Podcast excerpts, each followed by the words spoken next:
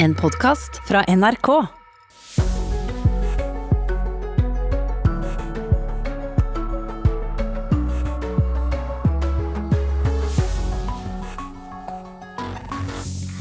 God morgen, godt folk. Verden har rundet 20 millioner koronasmittede i løpet av natten, og mye av sendingen nå skal selvfølgelig direkte eller indirekte handle om eh, pandemien. Vi skal eh, bl.a. snakke mer om universiteter og høyskoler som er bekymret for eh, studiestarten. Ikke for det faglige innholdet selvfølgelig, men for fadderuka og andre bli kjent-arrangementer som kan være med på å spre smitten. I Hviterussland har det vært eh, demonstrasjoner i natt etter at eh, sittende president Lukasjenko ble gjenvalgt med overbevisende flertall av eh, stemmene. Og her, mine damer og herrer, står ordet overbevisende selvfølgelig i hermetegn. Hviterussland er jo ikke noe normalt demokrati, akkurat. I kriserammede Libanon er det ja, også folkelig misnøye, kan vi si. Mange protesterer mot regjeringen og mener den ikke kan ta imot penger som kommer fra utlandet nå, og som er ment til oppryddingsarbeid. Ja, vi holder på helt til klokken ti også, vi, her i Nyhetsmorgen. Og Nyhetsmorgen får du i dag med Kari Ørstavik og Birger Kolsrud Aasund i studio.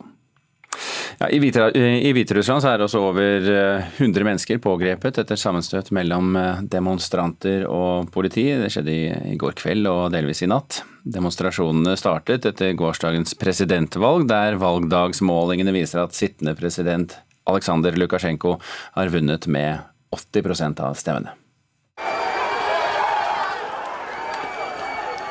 Demonstrasjonen i hovedstaden Minsk i natt startet rolig med rop mot president Lukasjenko og mot valgkommisjonen. Kort tid etter brøt ut direkte slåsskamper mellom demonstranter og politiet. Politi med hjelmer og skuddsikre vester skjøt med gummikuler og tåregassgranater mot demonstrantene. Minst 100 er arrestert. De som protesterer er sinte fordi de mener valget ikke har vært fritt og rettferdig, Valgobservatør Lidmila Malakova fra Russland sier at det har vært valgfusk.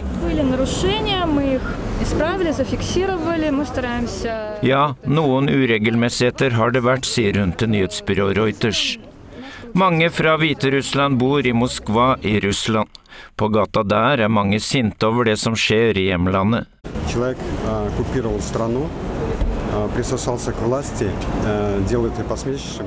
President Lukasjenko har okkupert landet vårt. Hele verden ler av oss, sier Jevgenij Sagusta. En annen hviterusser, Jurij Kanofatov, er enig.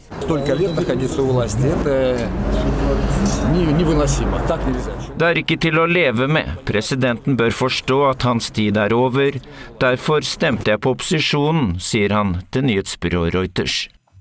Dag Bredvei var reporter her.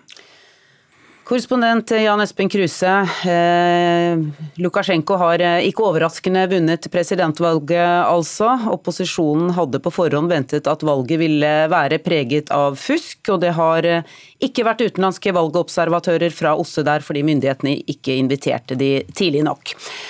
Hvorfor vinner Lukasjenko valget igjen? Skyldes det fusk eller frykt, eller er han en svært populær politiker? Ja, Dette er eh, det veldig delte meninger om i eh, Hviterussland. Eh, det er særlig blant den eldre garde som er opptatt av at de må kunne få sine pensjoner.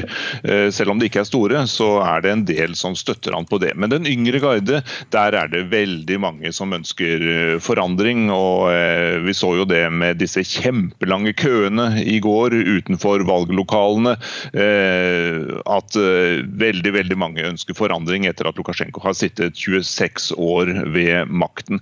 Og Dette tallet, eh, dette foreløpige tallet da, med, 20, med, med rundt 80 eh, at han skal ha fått det, det er det naturligvis veldig mye strid om. Det er nærmest umulig i frie og rettferdige valg å kunne få rundt 80 i en, i en eh, avstemning som, som dette. Og Opposisjonen, Svetlana Tikhanovskaja, opposisjonens eh, kandidat, hun eh, sier at hun godtar ikke dette resultatet. Og at eh, hun er forsiktig med å be folk gå ut i gatene, da. Men ja, Tikhanovskaja selv fikk jo bare 7% oppslutning. Hva slags motstand kan vi vente oss mot valgresultatet? Eh, det kan eh, naturligvis bli mye mer demonstrasjoner, uro, uroligheter i eh, gatene. Det er høyst sannsynlig. Men Tikhanovskaja sier at man må unngå blodbad.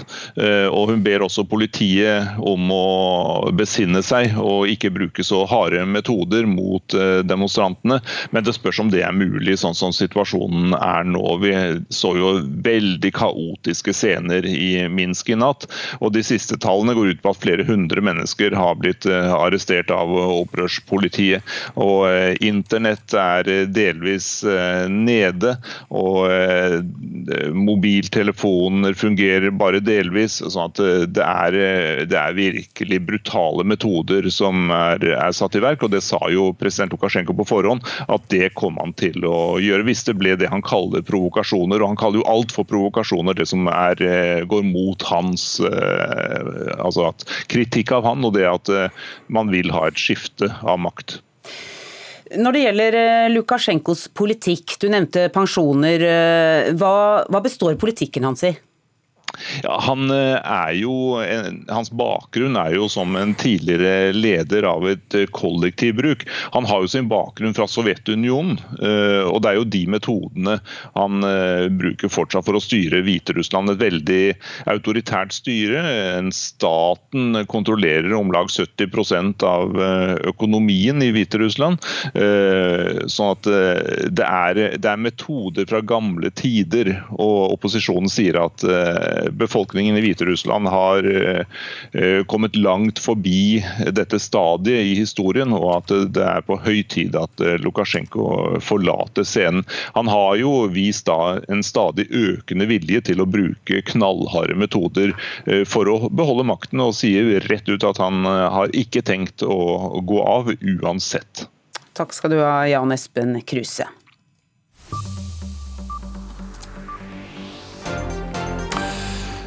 Da skal vi gi deg et lite blikk på noe av det som skjedde i løpet av natten og morgenen. Etter seks år har Eldar Setre nå bestemt seg for å gi seg som toppsjef for Equinor. Det skriver Dagens Næringsliv nå. Dagens Næringsliv nå. nå. Equinor har utnevnt Anders Opedal som ny konsernsjef fra 1.2.2020. Mm. Over 100 mennesker er pågrepet i Hviterussland etter sammenstøt mellom demonstranter og politi i kjølvannet av presidentvalget der. I flere byer ble det protestert mot denne valgdagsmålingen, som viser at den sittende presidenten Aleksandr Lukasjenko har fått rundt 80% av stemmene. Og en av Hongkongs fremtredende demokratiforkjempere, forretningsmannen Jimmy Lai, er pågrepet og siktet etter Kinas nye sikkerhetslov. Han er mistenkt for ulovlig samarbeid med utenlandske makter, skriver Lais kollega Mark Simmon på Twitter. Og til noe av det som skjer i dag, og som du får vite mer om hvis du følger med på NRK Nyheter. Det er eh, varslet en pressekonferanse med valgkommisjonen i Hviterussland etter gårsdagens valg. President Aleksandr Lukasjenko har styrt i 26 år, og har stilt til valg for en sjette periode. Statsminister Erna Solberg deltar på åpningen av det digitale alternativet til eh, Arendalsuka. Etter åpningen deltar Solberg i en samtale i dag med IKT, Norges styreleder og de nye topplederne fra Visma og Telia. Temaet der skal være hvilke grep som bør tas for at den digitale konkurransekraften vi så under koronavåren skal eh, fortsette.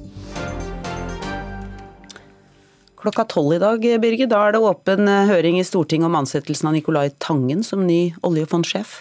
Ja, og Som du kanskje husker, så kom representantskapet, altså det som er Norges Banks kontrollorgan, i juni med ganske krass kritikk av ansettelsesprosessen i et brev til eh, Stortinget. Et viktig prinsipp har vært om Norges Bank kan sikre at Tangens private interesser og investeringer ikke kommer i konflikt med oljefondets interesser. og Det mener representantskapet og flere eksperter at det er ikke på plass ennå. Brevet til representantskapet er jo et signal om at eh, representantskapet mener at hovedstyret ikke har fått i havn et avtaleverk som er håndterbart, og som dermed avskjærer alle mulige interessekonflikter. Sier NHH-professor Guttorm Kjeldrup. Hvordan man skal sikre seg mot interessekonflikter og tilstrekkelig avstand mellom Nicolai Tangen som oljefondsjef og hans private investeringer og formue, har vært en av de sentrale problemstillingene. I dag må sentralbanksjef Øystein Olsen svare for seg foran Stortingets finanskomité om ansettelsesprosessen av Nicolai Tangen som ny oljefondsjef. Også representantskapets leder, Julie Brottkorb er kalt inn. For mens Norges Bank nå mener å ha fått på plass avtaleverk og rutiner som sikrer tilstrekkelig avstand, er representantskapet klar på at risikoen for interessekonflikter ikke er eliminert. Det er jo veldig uheldig at man har kommet i en sånn situasjon at man på en måte før man ansatte Tangen, ikke hadde avklart disse tingene og interessekonfliktene. Økonom og jurist Gøril Bjerkan mener spørsmålet om interessekonflikter burde vært avklart før Tangens ansettelse, og at banken burde gjort en rettslig vurdering om Tangen kom til å være habil i sitt virke som oljefondsjef etter forvaltningslovens habilitetsregler. Det burde ha vært gjort før han ble ansatt. Så det at de ikke har gjort det, det er et ganske um, alvorlig brudd, gitt uh, beslutningens viktighet. Jeg tenker vel at den tilliten og omdømmetapet, det har allerede skjedd. For å minimere tillitstapet, så bør Stortinget uh, rydde opp i dette. Se på hvilket rettslig grunnlag som styrer banken, er grunnlaget for bankens drift, og i hvilken grad ansettelsen av Tangen har fulgt uh, dette, eller eventuelt er i strid med dette rettslige grunnlag. Tangen har tidligere uttalt at arbeidsavtalen sikrer at det ikke vil være noen kommunikasjon mellom han og Ako, og at han kun vil ha én hatt, og det er oljefondshatten, når han tiltrer i stillingen. Norges Bank viser til stortingshøringen og ønsker ikke å kommentere saken i forkant. Debatten knytta til ansettelsen av Tangen har jo ikke gått på hvorvidt han er kompetent til å bekle stillinga. Den har jo gått på ting knytta til habilitet, avskjæring av interessekonflikter. Oppsida for Norges Bank vil jo da eventuelt være, hvis han skulle bli ansatt og fungere, at han gjør det veldig bra.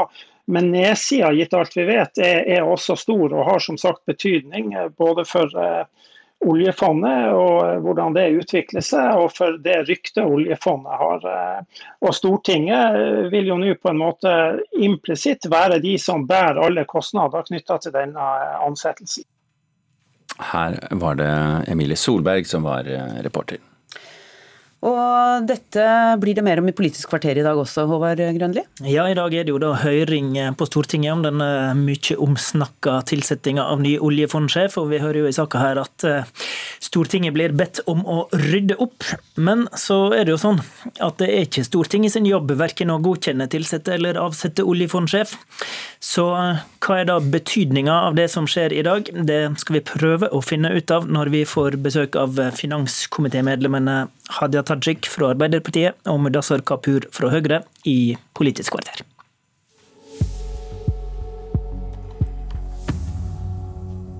Ja, det er en halvtime til. Nå er klokken eh, drøyt kvart over eh, sju. Det er Nyhetsmorgen som er programmet du hører på, og her er våre viktigste saker i dag.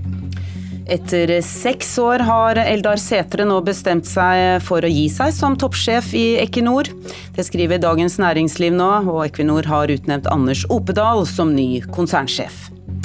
Politiet og eh, demonstranter støtte i går kveld sammen i flere byer etter at en statlig valgdagsmåling ga Hviterusslands president en overveldende seier i eh, gårsdagens valg.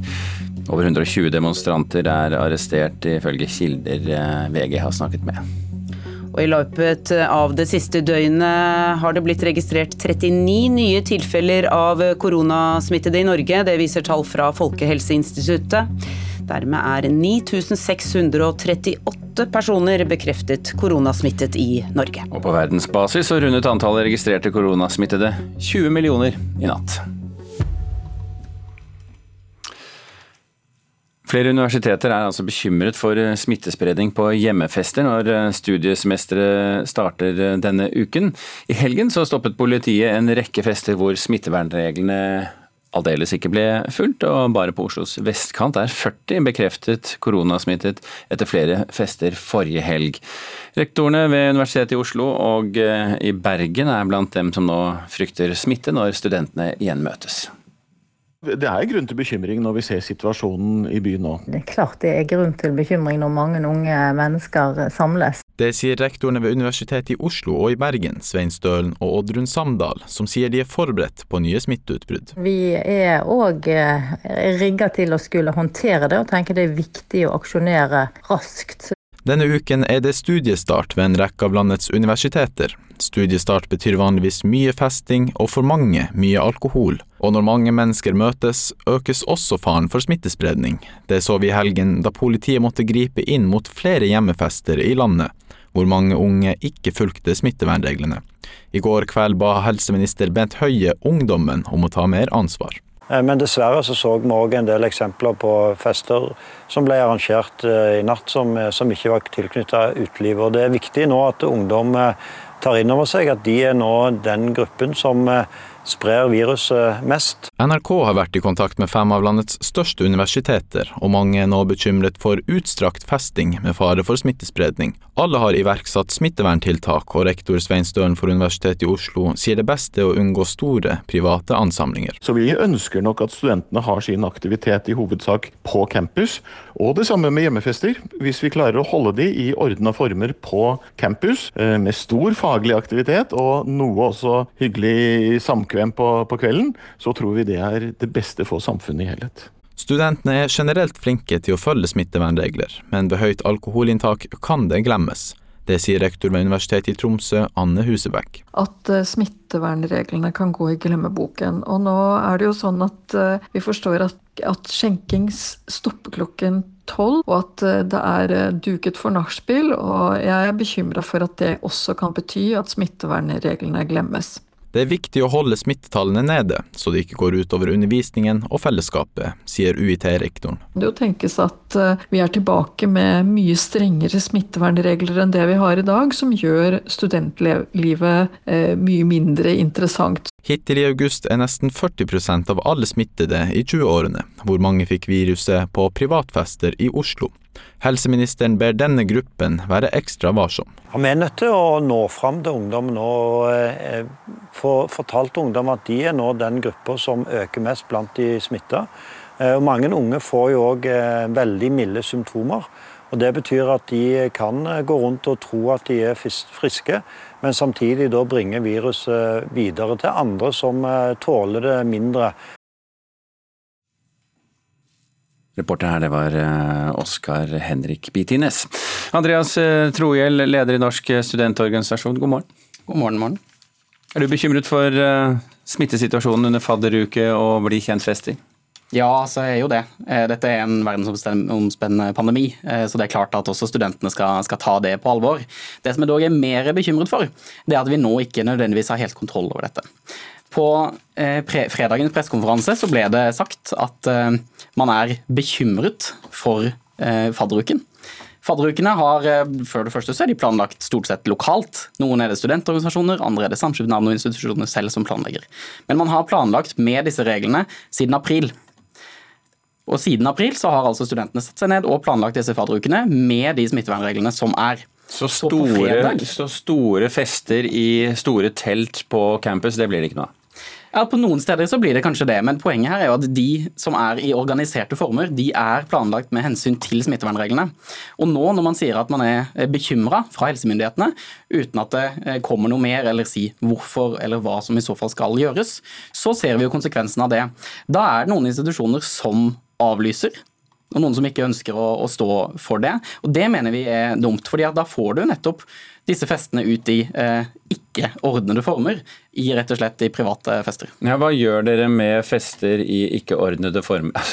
det høres jo ja, interessant ordvalg i og for seg, da, men eh, fester i ikke-organiserte former er jo ofte de morsomste. Ja, altså festene som ikke er eh, tilknyttet campus eller til institusjonen, er det jo da jeg snakker om. Altså, vi, vi forventer jo at studentene følger de smittevernreglene som er. Mm. Men jeg vil jo si at det hadde vært mye bedre hvis de var på campus på institusjonen i de eh, formene som der er planlagt, i tre måneder. Men sitter dere stille og forventer at alt går bra? Eller kommer dere til å være på campus, være blant studenter og, og prøve å få dem motivert til å, å bedrive ordentlig smittevern? Altså, vi forventer at studentene skal, skal følge de smittevernreglene som, som det er. Det er voksne folk? Til, ja, det skal være voksne folk dette her òg. Altså, studentene er i, i, alle aldre.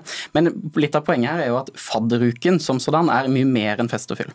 Det er utrolig viktig for en sosial eh, komst. Det er viktig for å bli kjent med institusjonen din, både faglig og eh, sosialt, og også bli kjent med campus og byen du kommer til. Det er veldig mange som flytter nå, eller har flytta de siste dagene, og nå skal bli kjent med et nytt sted å være. Mm, så hva eh, vil du si er den beste måten eh, å organisere bli kjent-fester og fadderuker på, slik at det ikke øker smitten mer enn en aller mest nødvendig? Mm.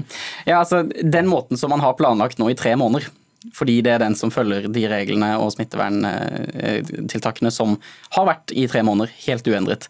Det vil være den beste måten. Da har man det i ordnede former. Da har man eh, lagt opp til én meter, man har antibac rundt omkring, og det burde være den beste måten. Og det ser vi jo eh, konsekvensen av når man sier at man er bekymra for også denne måten. Eh, vi har også vår egen statsråd og Bent Høie som her sier at man er bekymra. Likevel så sier man eh, kjør på, vi skal arrangere fadderuker. Men hvilke råd har du til individet selv, da? Altså den enkelte student som er spent, gleder seg, er litt full og ser en pen person? Jeg vil si at studenter som individer skal følge de, de reglene som er. Det gjelder uansett. Dette er en verdensomspennende pandemi. Vi skal også ta vår del av, av det ansvaret. Ok, Andreas Trohjell i Norsk studentorganisasjon, takk for at du var med oss, og lykke til med både bli kjent-fester og, og fadderuker. Takk.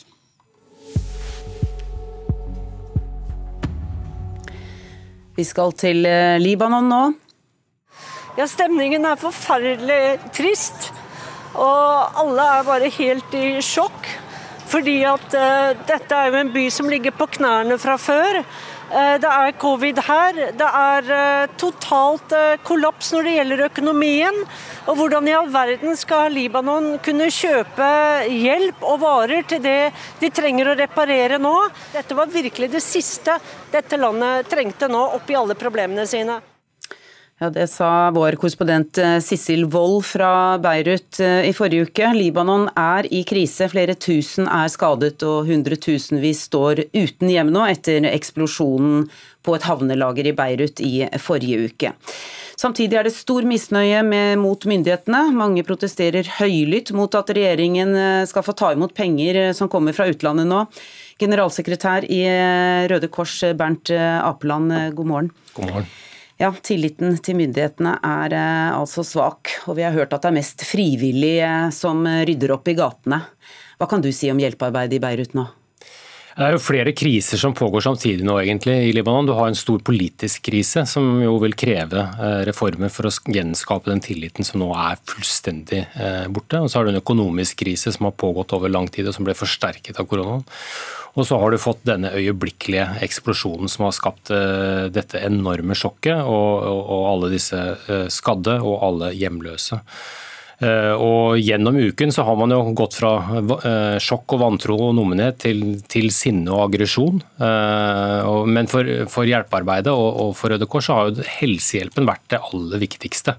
Først for å hjelpe de som ble skadet av eksplosjonen, men så også nå gjennom helgen alle de som ble skadd gjennom de demonstrasjonene som har oppstått. Men den virkelig store utfordringen nå er jo det å hjelpe de som nå har blitt hjemløse, og de som nå faller fullstendig gjennom og faller under fattigdomsgrensen. Hva, hva er det dere gjør i Røde Kors? Ja, vi har hatt veldig fokus på førstehjelp nå eh, i den første fasen. Eh, Libanon Røde Kors er de som driver ambulansetjenesten, eh, den gratis ambulansetjenesten i Libanon. Men mer og mer nå vil det være et fokus på å gi hjelp til de som har blitt hjemløse. Det er allerede opprettet et sekstitalls steder hvor folk som har mistet hjemmene sine kan, kan komme. Dette kommer til å øke i, i ukene og månedene som kommer, sånn at vi håper å kunne gi hjelp til 10 000 familier. Hvor lang tid tror du det vil ta å få Beirut på beina igjen? Ja, Det vil ta tid. Men jeg tenker det viktigste for oss er jo å sørge for at de tingene som menneskene trenger. Eh, altså mat, vann, tak over hodet, eh, gode sanitære forhold, skoler til barn, eh, helsehjelp. Altså det er tre sykehus, tolv helsestasjoner.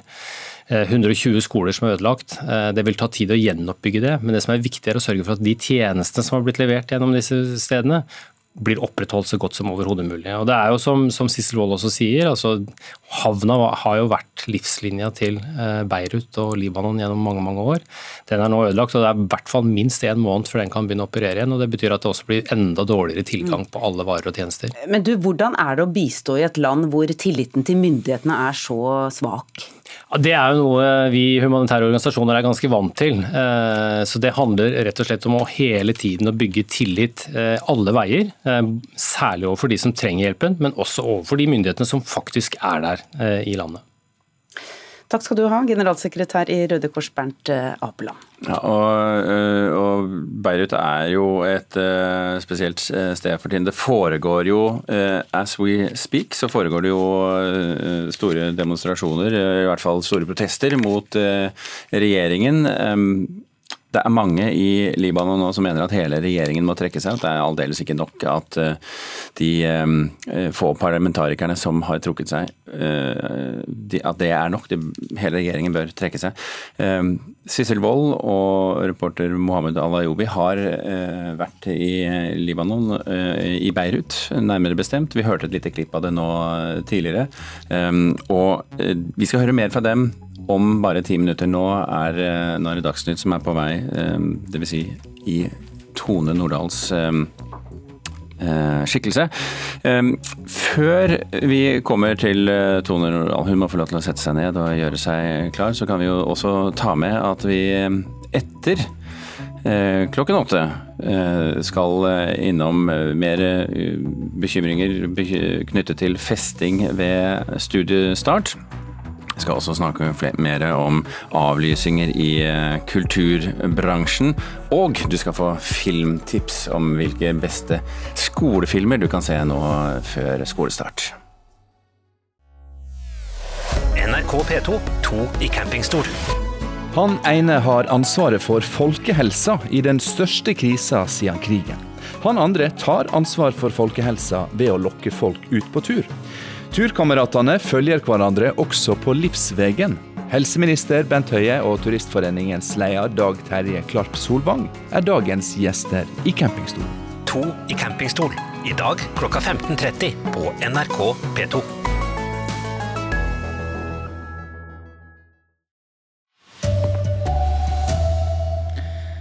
Eldar Setre går av etter 40 år som sjef i Equinor. Flere universiteter er bekymret for smittespredning på hjemmefester fremover. Og i Hviterussland er det demonstrasjoner og protester etter presidentvalget i går.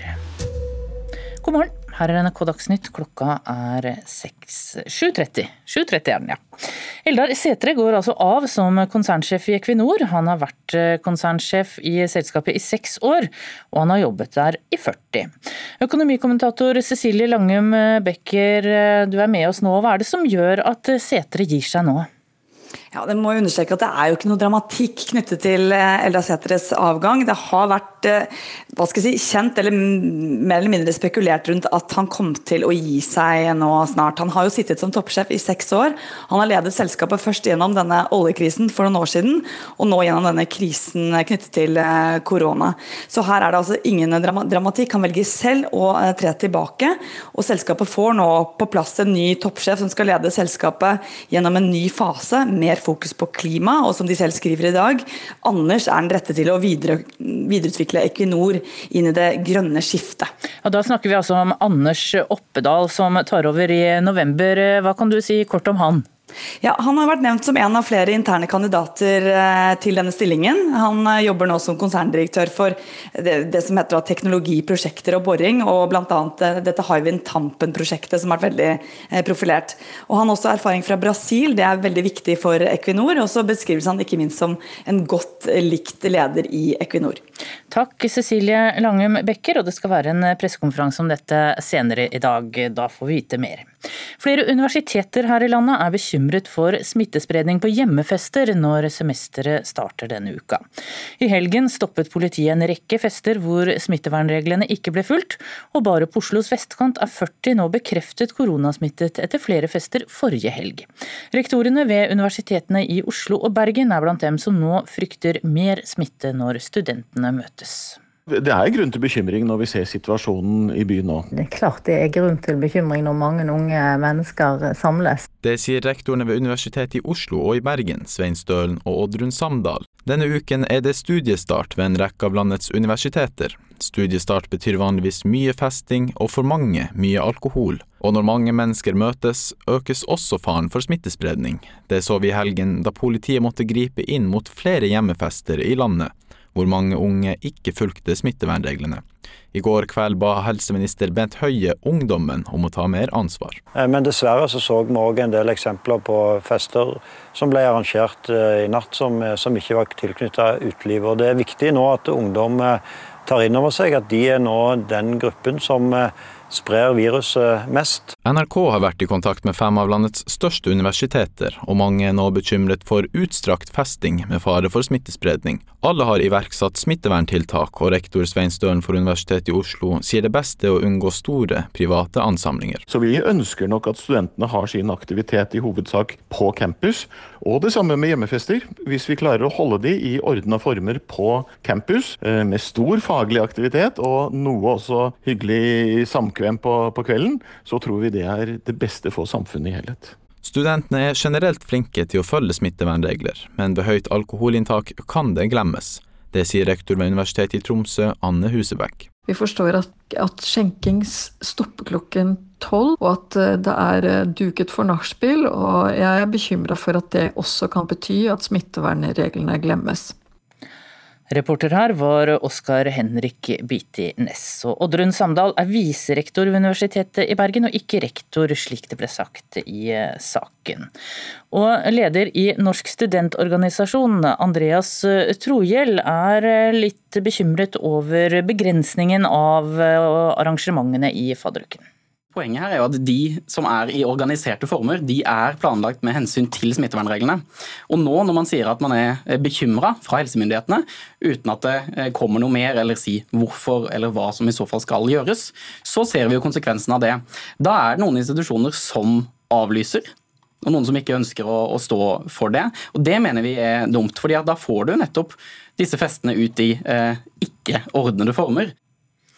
I Hviterussland er over 100 mennesker pågrepet etter sammenstøt mellom demonstranter og politi. Demonstrasjonene startet etter gårsdagens presidentvalg, der valgdagsmålingene viser at sittende president Aleksandr Lukasjenko har vunnet med 80% av stemmene. Konfrontasjon mellom demonstranter og politi i hovedstaden Minsk i natt. Det skjedde etter at en valgdagsmåling viste at president Aleksandr Lukasjenko ligger an til å få 80% av stemmene.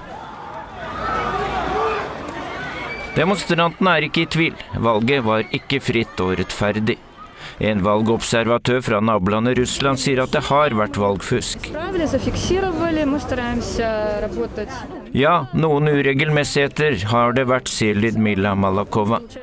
Hviterussere som bor i Moskva i Russland er oppgitt over hjemlandets leder, som har sittet i mer enn to tiår. Han har okkupert landet vårt. Hele verden ler av oss, sier Jevgenij Sagusta.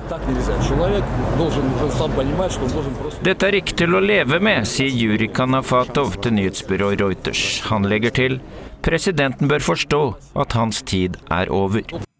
Det sa reporter Dag Bredvei. Med oss nå korrespondent Jan Espen Kruse. Lukasjenko kalles jo Europas siste diktator, eh, og nå kommer protestene etter det mm, som kan være valgfusk. Kan det skje at han ikke blir sittende? Det skal ganske mye til, i hvert fall i første omgang. Eh, nå har jo opposisjonsleder Svetlana Tikhanovskaja gått i dekning av frykt for at eh, hun kan bli arrestert eh, også. For Lukasjenko så er vel situasjonen at han har sagt rett ut at han vil klamre seg til makten. Han vil ikke gå av frivillig, men denne aktiviseringen, hvordan vi har sett de siste månedene, hvordan hviterusserne virkelig går ut, og veldig mange sier at de ikke lenger frykter denne autoritære presidenten. Så, og, og, den motstanden, denne uroen vi har sett i natt, alt dette tyder på at uh, tiden for Lukasjenko er begrenset, men det er usikkert hvor lang tid det vil ta før det mobiliseres enda mer mot han. Ja, hvorfor er folk så misfornøyde med ham? Eh, opposisjonen de vil ha et mer moderne land, de vil ha frie, rettferdige valg. Eh, de vil ha muligheter. Lukasjenko styrer som om Sovjetunionen fortsatt eksisterte. Der staten eier omtrent 70% av økonomien. Det er veldig autoritært styre. Eh, mange, særlig unge hviterussere, mener at tiden har gått forbi denne styreformen. og De vil ha et fritt og et levende demokrati. og en bedre økonomi. Og dessuten så mener veldig mange at presidenten har behandlet koronakrisen på en helt feil og passiv måte. Takk, Jan Espen Kruse. Klokka tolv i dag er det åpen høring i Stortinget om ansettelsen av Nicolai Tangen som ny pensjonsfondsjef.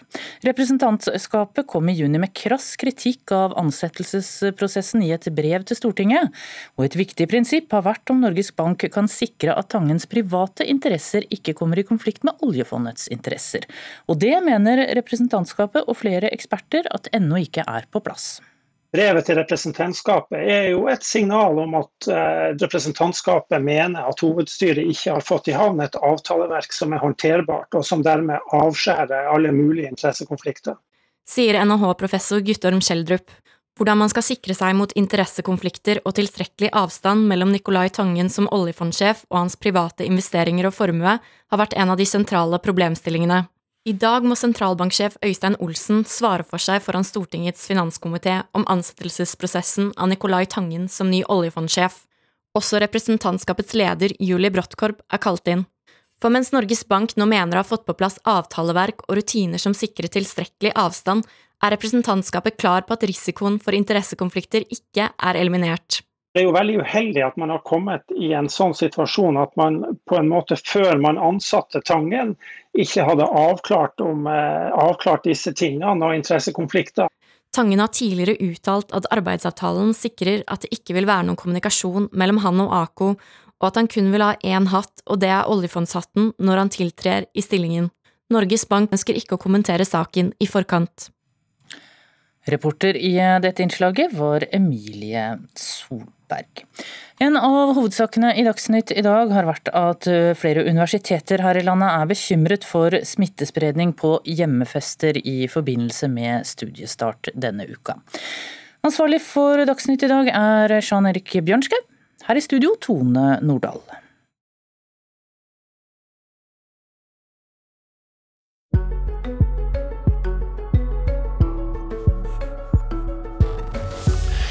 Og Vi fortsetter Nyhetsmorgen eh, i Libanon, der det er politisk kaos etter den enorme eksplosjonen som rammet Beirut eh, sist uke. Flere ministre og parlamentarikere har trukket seg fra stillingene sine.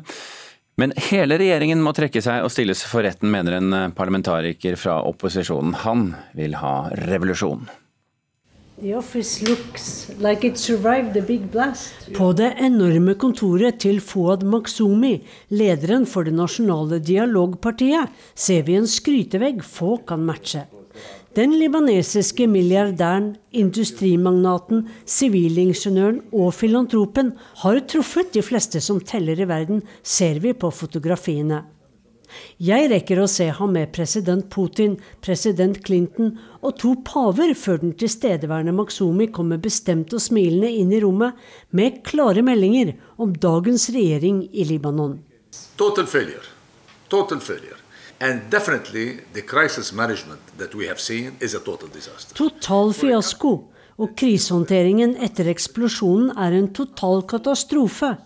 This government and the whole political class that ruled us since the Taif Agreement are a bunch of corrupted, spoiled people that are criminal that needs actually to be tried and put in jail.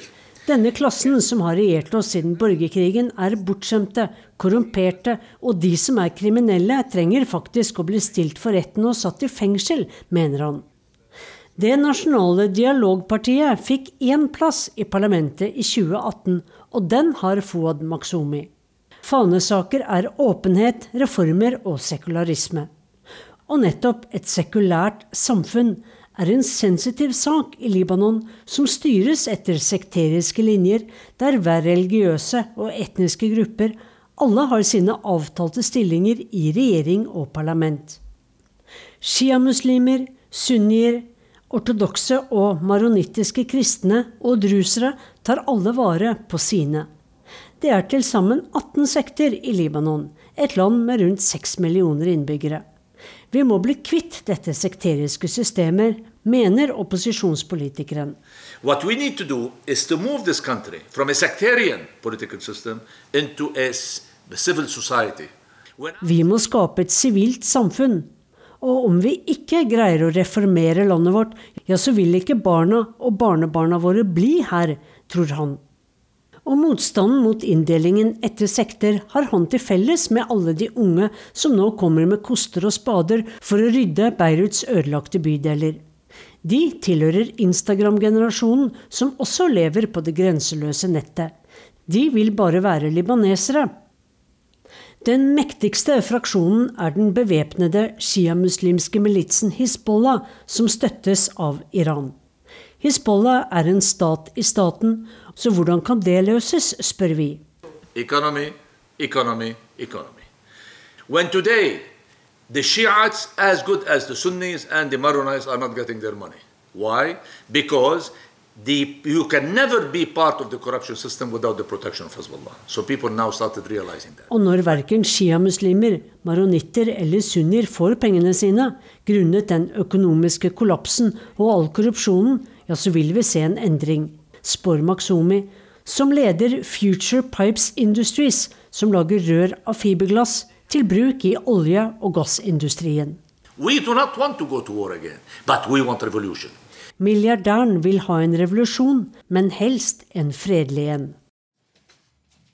Reportere her det var Sissel Wold og Mohammed Alayobi. Klokken er straks eh, kvart på åtte, det betyr Politisk kvarter. Men til deg som nettopp har skrudd på radioen, la meg minne om toppsakene våre i dag. Etter seks år har Eldar Sætre nå bestemt seg for å gi seg som toppsjef for Equinor. Det skriver Dagens Næringsliv i dag. Equinor har utnevnt Anders Opedal som ny konsernsjef fra 2.11. Politiet og demonstranter støtte i går kveld sammen i flere byer etter at en statlig valgdagsmåling ga Hviterusslands president en overveldende seier i gårsdagens valg. Og flere universiteter er bekymret for smittespredning på hjemmefester her i Norge når studiesemesteret starter denne uken. I helgen stoppet politiet en rekke private fester hvor smittevernreglene ikke ble fulgt. Så nå, mine damer og herrer, er det Politisk kvarter, og i dag har programleder Håvard Grønli et utmerket utgangspunkt, nemlig et klart spørsmål med et ganske uklart svar.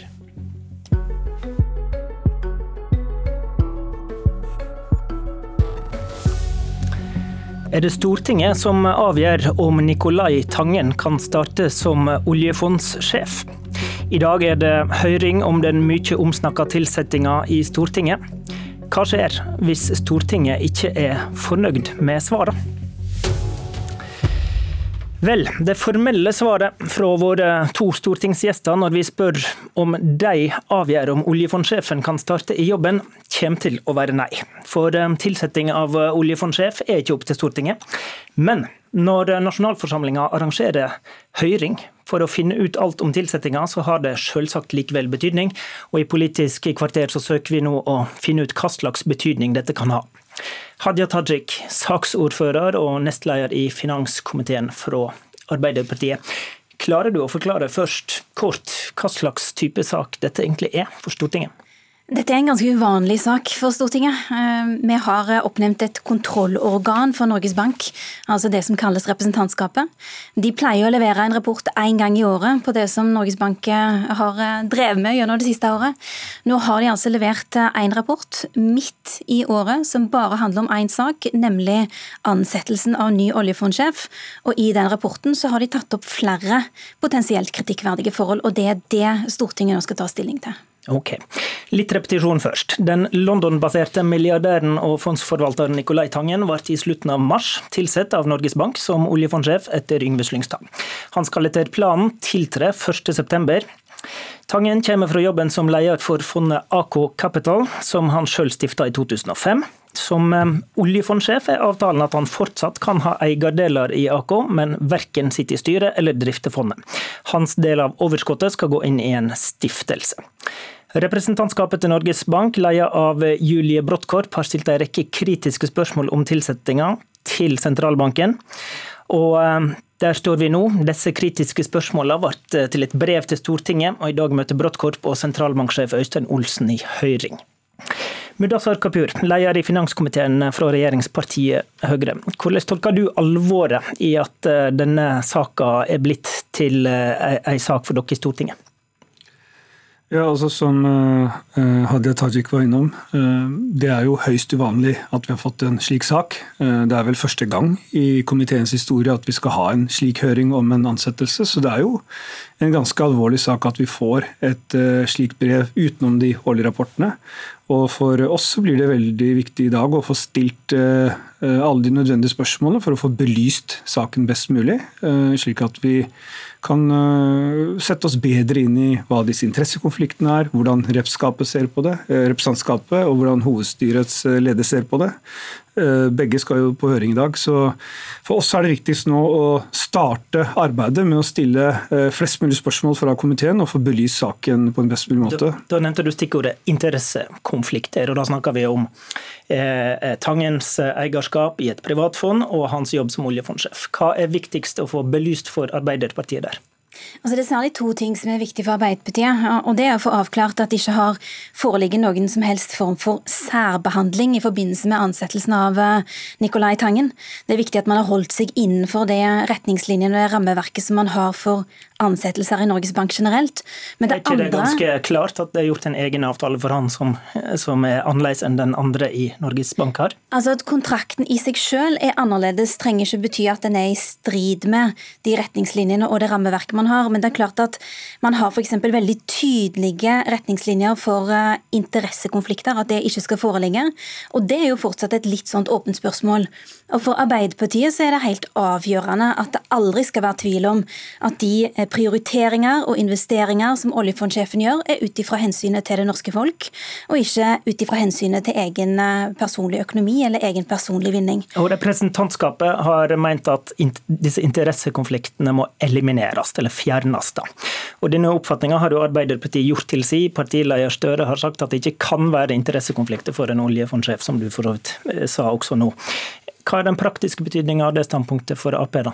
Altså, alternativet til å si at interessekonflikter skal elimineres, det er å si at vi som land og som folk må leve med i årevis at det dukker opp sak etter sak der det er uklart hvilke hensyn som har blitt vektlagt, og om det er hensynet til det norske folk eller hensynet til personlig økonomi. Så da, så da mener du han eh, Tangen må selge seg ut da, av sine det private Det mener jeg at vi må avklare at det ikke kommer til å være interessekonflikter i framtida som vil skape problemer for integriteten til oljefondet oljefondet.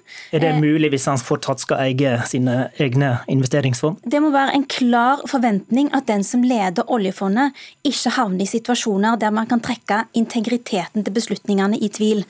Og eh, Et eksempel som flere har vært inne på, handler om at eh, bekymringer for at oljefondet skal gjøre investeringer som også kan være til gunst for AK-fondene, som eh, Nicolai Tangen eh, eier. Men jeg mener at like viktig er det å se på at oljefondet eh, ikke havner i en situasjon der de lar være å ta initiativ som de ellers ville meint at var riktige. Altså må droppe investeringer ja, pga. habilitets... For at uh, noen kan uh, oppfatte det som en habilitetskonflikt, eller av frykt for å få negativ oppmerksomhet. Vi må være trygge på at oljefondet gjør det som er rett for pensjonene til det norske folk. Ok. Kapur, mener du det i seg sjøl er en interessekonflikt at en oljefondsjef er eier i et annet stort investeringsfond? Altså det at ansatte i Norges Bank eh, eh, investerer i fond, eller eier fond, eh, det er jo noe av det repskapet har sett på. Men, men, det som har vært viktigst i denne saken, jeg tror jeg skal holde meg til den saken, det er at eh, det ikke skal være noen interessekonflikter. Eh, og, og hva de interessekonfliktene kan være, det har jo Hadia Tajik vært innom, men jeg tror også ja, men jeg, jeg spør deg da, Mener ja. du det i seg selv en interessekonflikt at en oljefondsjef er eier i et annet stort investeringsfond? Ja, altså, jeg skal ikke ha noen personlig mening om jeg syns det er en interessekonflikt der eller ikke. Det er det vi skal avklare i dag. Eh, vi skal stille spørsmålene som gjør at vi skal få på det rene om det er en interessekonflikt eller ikke. Men det I er, siste instans, da, mener du Stortinget skal mene noe om det? Eh, Stortinget eh, har jo vært, eller Jeg skal tale på vegne av vårt, vårt, eget parti. Også for oss er det viktig eh, å si at det skal ikke være interessekonflikter. De må elimineres, slik representantskapet har tatt til orde for. Men det som har oppstått som et viktig punkt her gjennom sommeren, er jo at Norges Bank har nå tatt noen initiativ bl.a. endringer i sitt etiske regelverk, eh, og dermed sagt at eh, interessekonfliktene etter alle praktiske formål nå er eliminert. Eh, det har ikke vi hørt Repskapets respons på. Det blir et, et, viktig spørsmål for oss i dag. Å høre på om hvorvidt representantskapet nå etter den siste utviklingen mener at interessekonfliktene okay. er eliminert eller ikke. Så, så du, vil, du, vil, finne ut om interessekonfliktene er fjerna. Hvis de ikke er det, hva gjør du da? Nei, Hvis det ikke er det, så er det jo naturlig for Stortinget å Eh, vise til at representantskapet mener at den må fjernes. Det ville vært høyst uvanlig for Stortinget å ikke legge vekt på det vårt eget kontrollorgan har trukket frem som et kritisk punkt i den ansettelsen. Tajik, hvis det viser seg at interessekonfliktene ikke er fjerna, hva gjør Stortinget og Arbeiderpartiet da? Det vi skal ta stilling til, er jo om prosessen har vært tillitsvekkende og i tråd med retningslinjene og rammeverket. Og det det betyr er at Hvis vi mener at det ikke har vært det, så gir vi veldig tydelig uttrykk for det når vi behandler saken, eh, og så henvender vi oss til finansministeren. Fordi det er ikke Stortingets mandat å ta stilling til selve ansettelsen som sådan. Vi kan ikke ansette eller avsette en oljefondsjef. Eh, det er jo klart at òg finansministeren og regjeringen sin adgang til å gå inn i denne saken er begrensa fordi vi ønsker et veldig uavhengig Norges Bank. Men til syvende og sist vil det jo alltid være regjeringen som har ansvaret for at de store institusjonene i landet vårt har den tilliten som de trenger. Eh, Norges Bank ligger under finansministeren, og det er òg finansministeren som utpeker Norges Bank sitt hovedstyre. Så da går ballen videre til de. I brevet fra representantskapet til Stortinget ble det pekt på at Tangen skal eie 43% av et selskap registrert i Cayman Island og Irland. Videre sier representantskapet at det forventer at hovedstyret følger opp at Norges Banks eh, forventningsdokument om skatt og åpenhet ligger til grunn for hans økonomiske interesse. Stikkordet her er skatteparadis. Kapur, hvor viktig er det for Stortinget at oljefondsjefens private eierskap er i tråd med oljefondets holdning om at skatt skal bli betalt der verdier blir skapt? Um, Stortingets eh, altså eh, igjen da, eh, For å snakke på vegne av Høyre her. Stortinget må jo komme frem til når saken er ferdig, hva Stortinget mener. For oss er det faktisk veldig viktig at at uh, man har samme uh, retningslinjer for uh, de som skal inn i en slik rolle, som man har som forventning til andre selskaper. Så det at forventningsdokumentet som Norges Bank har overfor sine egne selskaper, at det ligger til grunn, det syns jeg er en, et naturlig utgangspunkt for reppskapet å holde. Tajik. Altså Hvert eneste år så går jo Norge glipp av nesten 10 milliarder kroner i skatteinntekter fordi man har skatteparadiser og, og, og, det blir gjort investeringer der. Så det å drive med skatteunndragelse er et enormt økonomisk problem både for Norge og for verden. Etter, så vil vel han protestere på at det er snakk om skatteunndragelse, selv om hans selskap er registrert der? Altså Etter Panama Papers-avsløringene i 2016 så ble det tatt et initiativ fra Stortinget, faktisk på tvers av alle partiene, enstemmig om at eh, Norges Bank og oljefondet at de nå skulle jobbe mer med skatteetikk. og Det er òg bakgrunnen for at man i det hele tatt har et forventningsdokument knytta til skatteåpenhet. Og I det dokumentet så skriver Norges Bank eh, godt om hvordan de reiser fra panelsamtale til konferanse til internasjonale arenaer, og snakker om hvordan skatt skal betales der verdier blir skapt. Og Et sentralt spørsmål er jo selvfølgelig at eh, altså, hvis man har en oljefondsjef som har eh, slått seg opp på skatteparadiser, og fortsatt har store investeringer knytta til skatteparadiser, om det styrker eller svekker eh, Norges Banks troverdighet på disse arenaene når man skal snakke om nettopp skatt og åpenhet. Vi lar det spørsmålet henge i lufta. Kapur, kan det Jeg var i starten inne på at det er ikke Stortinget som tilsetter eller avsetter oljefondsjef. Og sentralbanklova sier at Norges Bank kan ikke bli instruert i sin virksomhet etter lova, unntatt i ekstraordinære situasjoner. Kan det som følge av Stortingets prosess nå oppstå noen tvil om at Tangen kan tiltre som oljefondsjef 1.9? Det, det, vil være å foregripe, foregripe begivenhetene, uh, syns jeg. Nå er det, tror jeg det er viktigst at vi i dag får uh, stilt alle spørsmålene vi skal, og, og får belyst saken. Men, uh, men spørsmålet men, mitt handler jo om vi, vi svarer på disse spørsmålene da ikke er tilfredsstillende. Hva ja, også, kan skje da? Det er flere mulige utfall av en slik sak. Hva som blir det endelige utfallet, det tror jeg vi bare må vente og se når vi har kommet så langt. Men det er ikke noen tvil om at Eh, representantskapet er Stortingets kontrollorgan. For Stortinget er det viktig at representantskapet er fornøyd eh, med de svarene de får, og, og, og kan på en måte kvittere ut saken Eh, på et eller annet vis, Men det er heller ingen tvil om at eh, på et eller annet tidspunkt så kan det også bli aktuelt eh, å, å aktivere regjeringen i et slikt spørsmål. Men det er flere utfall av en slik sak. Jeg vil ikke foregripe noen begivenheter. Nå er det viktigste å komme til bunns, stille alle spørsmålene, få belyst saken, og så jobbe videre okay. i komitébehandlingen. Tajik, du var inne på at et mulig utfall er å liksom vende seg til finansminister Sanner. Da Utdyp det. Hva kan Stortinget be han om, da? Altså nettopp fordi dette er en såpass alvorlig sak, så er det jo viktig at vi håndterer den nøkternt og saklig og går grundig inn i den. Så det kommer vi til å gjøre. Men det er altså to elementer. Det ene er har det skjedd feil? Eh, og Hvis svaret på det er ja, eh, så er spørsmål nummer to har de feilene blitt retta opp, sånn at eh, man kan gå videre nå og være sikker på at det kommer til å være tilstrekkelig kontrolltiltak, og at man kommer til å eliminere interessekonfliktene. Og så er jeg opptatt av spørsmål nummer tre. Ja, og Hvis svaret på det òg er nei, feilene er ikke retta opp, så må jo feilene rettes opp. Eh, da er det enten Norges Bank sjøl som må gå inn i det og gjøre det, men i ytterste konsekvens så er det klart at det er finansministeren og regjeringen som må sørge for at Norges Bank har den tilliten, det omdømmet som de trenger, for å kunne skjøtte de oppgavene som de har. Så vi kommer til å henvende oss til dem. Er en slik oppretting en ny organisering av denne avtalen, eller er det rett og slett å finne en ny oljefondsjef? Eh, det er vi nødt til å ta stilling til når alle fakta er på bordet. Det er det har jo blitt vedtatt en sentralbanklov som avgrenser òg finansministerens mulighet til å gå inn i enkeltsaker. Eh, som programlederen sjøl var inne på, så kan man ikke instruere i enkeltsaker. Men når det oppstår en situasjon der det blir reist så grunnleggende spørsmål om tilliten til en av våre største institusjoner, så er det òg på det rene at finansministeren må kunne gå inn i det og sikre at tilliten okay, er på plass. Til slutt til begge to kort. Tangen han har jo bare søkt på en jobb og gitt noen premiss. Eh, så er det jo mye av kritikken her som i praksis blir retta mot sentralbanksjef Øystein Olsen. Kan Stortinget komme med et vedtak som blir problematisk for han å leve med? Kort Tajik. Jeg vil ikke foregripe utfallet av det som er en så alvorlig sak. Vi kommer til å gå grundig inn i alle forholdene før vi tar endelig stilling til det. Men vi forventer jo at denne prosessen skal være tillitsvekkende og i tråd med retningslinjene. Og hvis ikke, så må man jo regne med at det vil kunne få en oppfølging. Kapur. Ja, altså For oss så blir det viktig nå å få belyst saken. Eh, alle sider av saken. Gå grundig inn i den. Eh, og det, er, eh, det, ville vært, det ville vært veldig spesielt dersom Stortinget ikke følger opp representantskapets bekymringer og går ordentlig inn i de. Vi forventer også at hovedstyret følger opp de punktene representantskapet Så får vi se hvordan Stortinget følger opp dette når det er høring i dag. Følg med i våre sendinger.